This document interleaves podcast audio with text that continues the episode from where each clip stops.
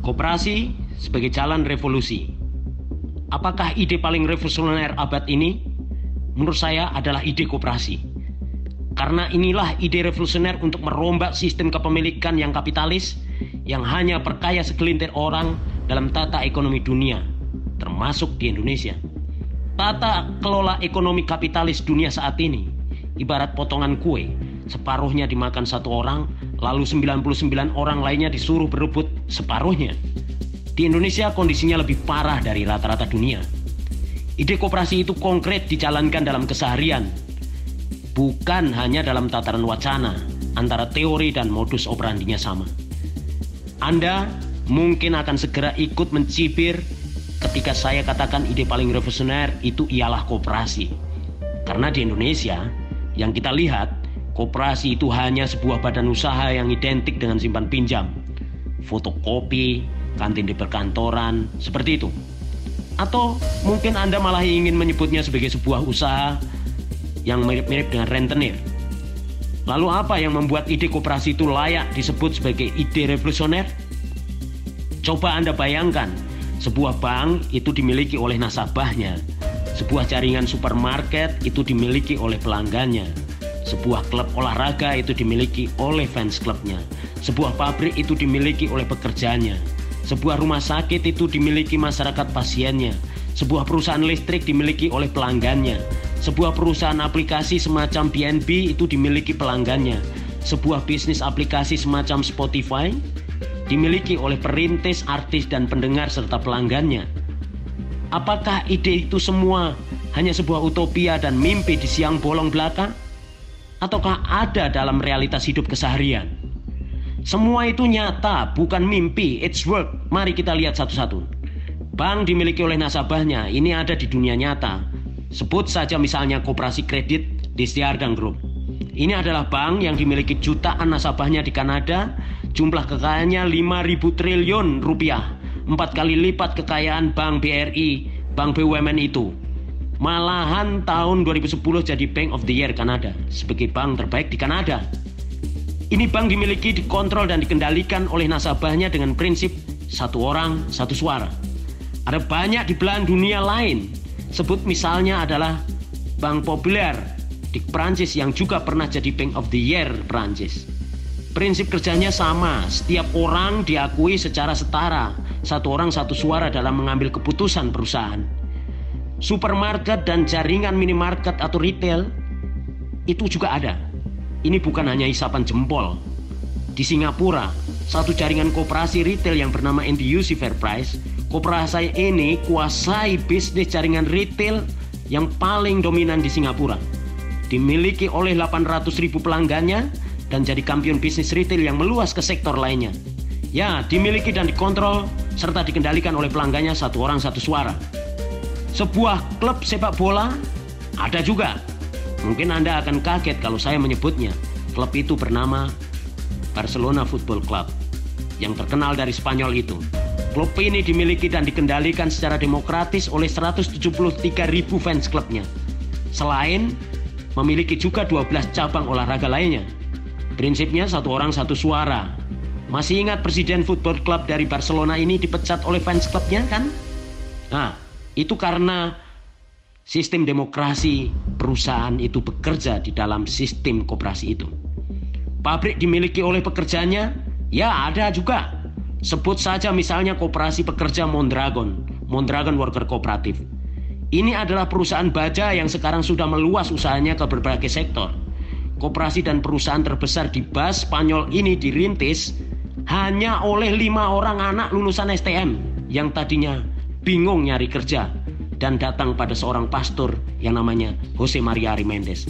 Lalu oleh pastor itu disuruh mendirikan perusahaan koperasi pekerja yang dimiliki penuh para pekerjanya.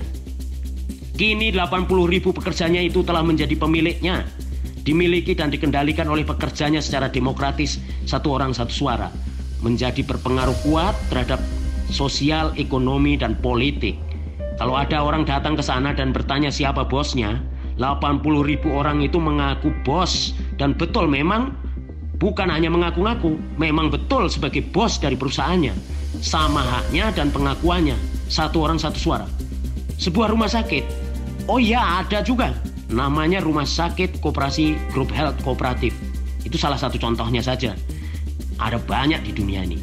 Jaringan rumah sakit terbesar di kota Washington, Amerika ini, ini merupakan jaringan rumah sakit terbesar di kota yang besar ini dan kita tuduh sebagai pusatnya kapitalisme.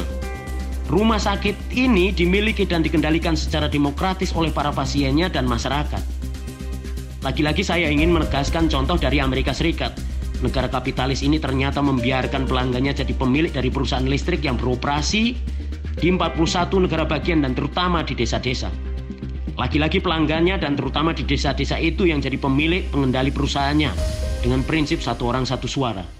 Namanya Koperasi National Rural Electricity Cooperative Association.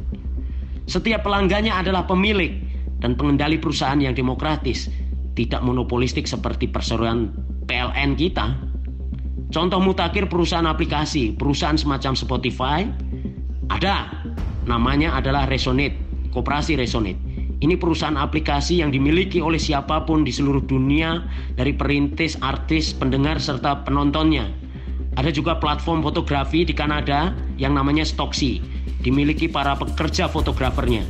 Semua keuntungannya dibagikan kepada anggotanya dan dikendalikan secara demokratis satu orang satu suara.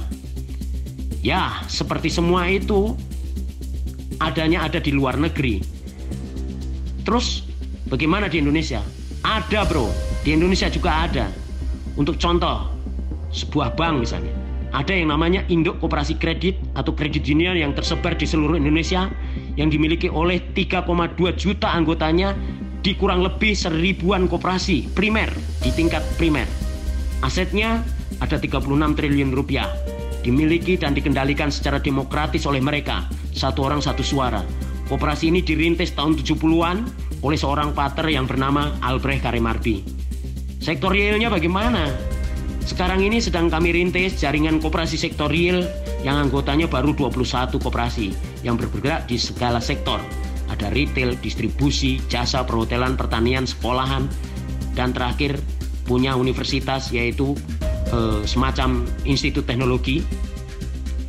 Lalu kita kembangkan koperasi-koperasi ini berada di bawah naungan organisasi yang disebut dengan Induk Koperasi Usaha Rakyat atau INKOR dan masih banyak lagi koperasi-koperasi lainnya yang sekarang sedang dirintis oleh anak-anak muda dalam berbagai bentuk ekonomi kreatif. Ada koperasi film dan komunitas kreatif seperti kabelan koop di Kendal misalnya. Apa yang hebat dari sebuah ide koperasi ini? Hanya bisnis demokratis sajakah?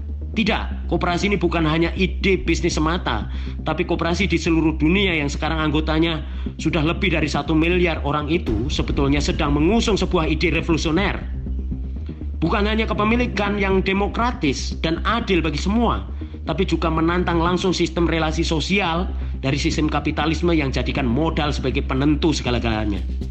Menantang sistem kapitalis yang jadikan kekuatan modal sebagai penentu dan pengendali dari nasib hidup kita yang memonopoli dan memanipulasi untuk kepentingan semata-mata keuntungan bagi segelintir orang turun-temurun. Koperasi ini juga menggunakan modal tapi modal itu hanya sebagai alat bantu manusia untuk capai kesejahteraan secara berkeadilan dan berperi kemanusiaan dan juga peduli terhadap lingkungan. Bukan alat eksploitasi orang lain dan alam. Akankah kita biarkan nasib hidup kita dan generasi mendatang bangsa ini di bawah cengkeram korporat kapitalis terus-menerus? Terserah pada Anda semua. Saya memilih tidak. Jakarta 20 Januari 2021. Suroto akses demokratisasi ekonomi sekarang